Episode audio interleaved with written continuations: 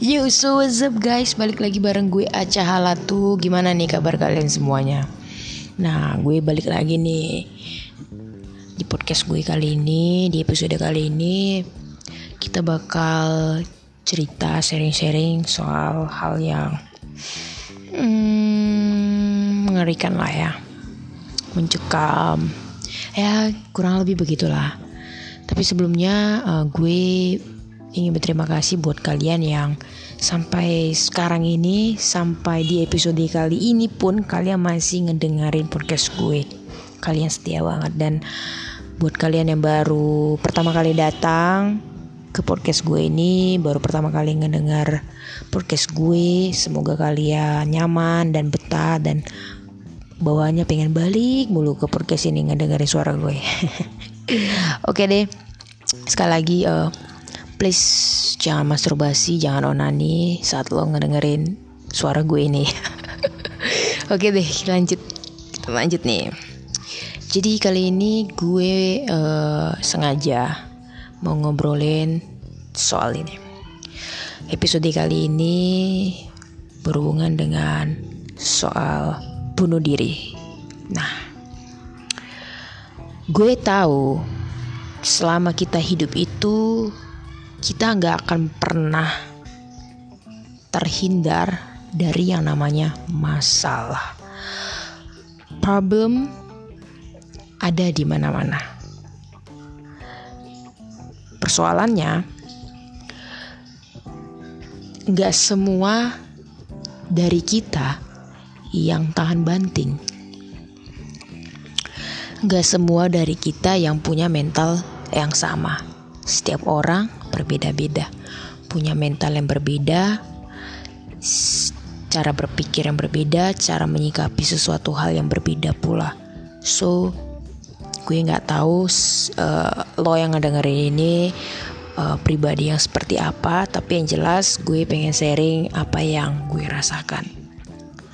Dan gue pernah di posisi yang down banget gitu, ngedrop banget gitu dan terlintas berpikiran untuk mengakhiri hidup gue sendiri.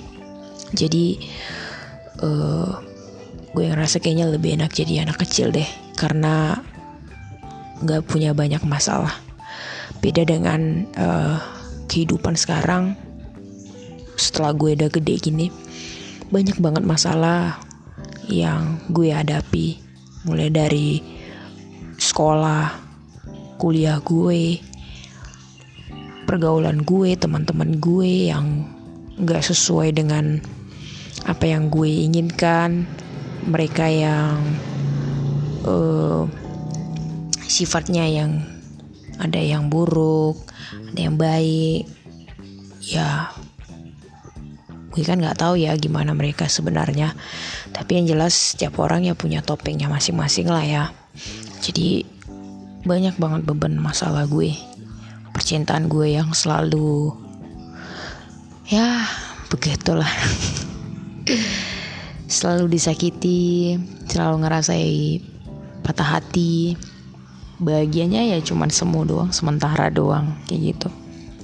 Tapi gue bersyukur sih bisa ngerasain jatuh cinta itu seperti apa. So saking banyaknya masalah gue hingga gue di titik di mana gue kayak uh, harus mengingat kalau gue nanti udah move dari titik ini gue harus ingat dan bersyukur kalau gue itu pernah loh di posisi yang seperti ini. Jadi kalau misalnya gue ketemu sama orang yang lagi di posisi yang dulu gue rasain gue berharap gue sharing apa yang gue bilang ini yang gue rasakan yang gue alami ini. Semoga kalian uh, yang membutuhkan jawaban yang membutuhkan cerita yang sama seperti apa yang kalian rasakan sekarang semoga kalian menemukan di podcast gue kali ini. Jadi gue uh, waktu gue putus sama mantan gue di bulan Agustus jadi gini gue memang punya masalah sebelum ini ya sebelum ceritain soal mantan gue ini. Sebenarnya gue udah punya banyak masalah gitu. Jangankan soal yang mantan gue ini orientasi seksual gue pun mungkin. Dan memang ini ya terdengar aneh sih karena gue kan lesbian jadi ya orang-orang merasa kayak yang itu nggak normal gitu.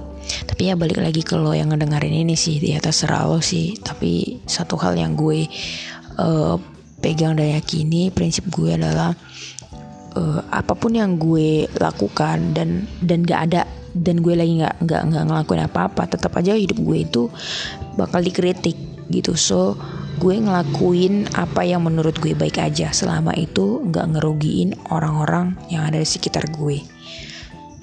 Jadi gue gue punya banyak masalah tapi uh, belum terlalu menggoncang gue banget sih. Belum ada rasa-rasa keinginan dorongan untuk bunuh diri. Jadi keinginan gue untuk bunuh diri itu muncul waktu gue kuliah. Di semester 3-4 pokoknya yang gue pacaran tapi hubungannya nggak sehat. Nah penasaran lo kan gimana ceritanya dengerin episode selanjutnya. Oke kita ketemu di episode selanjutnya. Jangan lupa dengerin lo ya. Oke thank you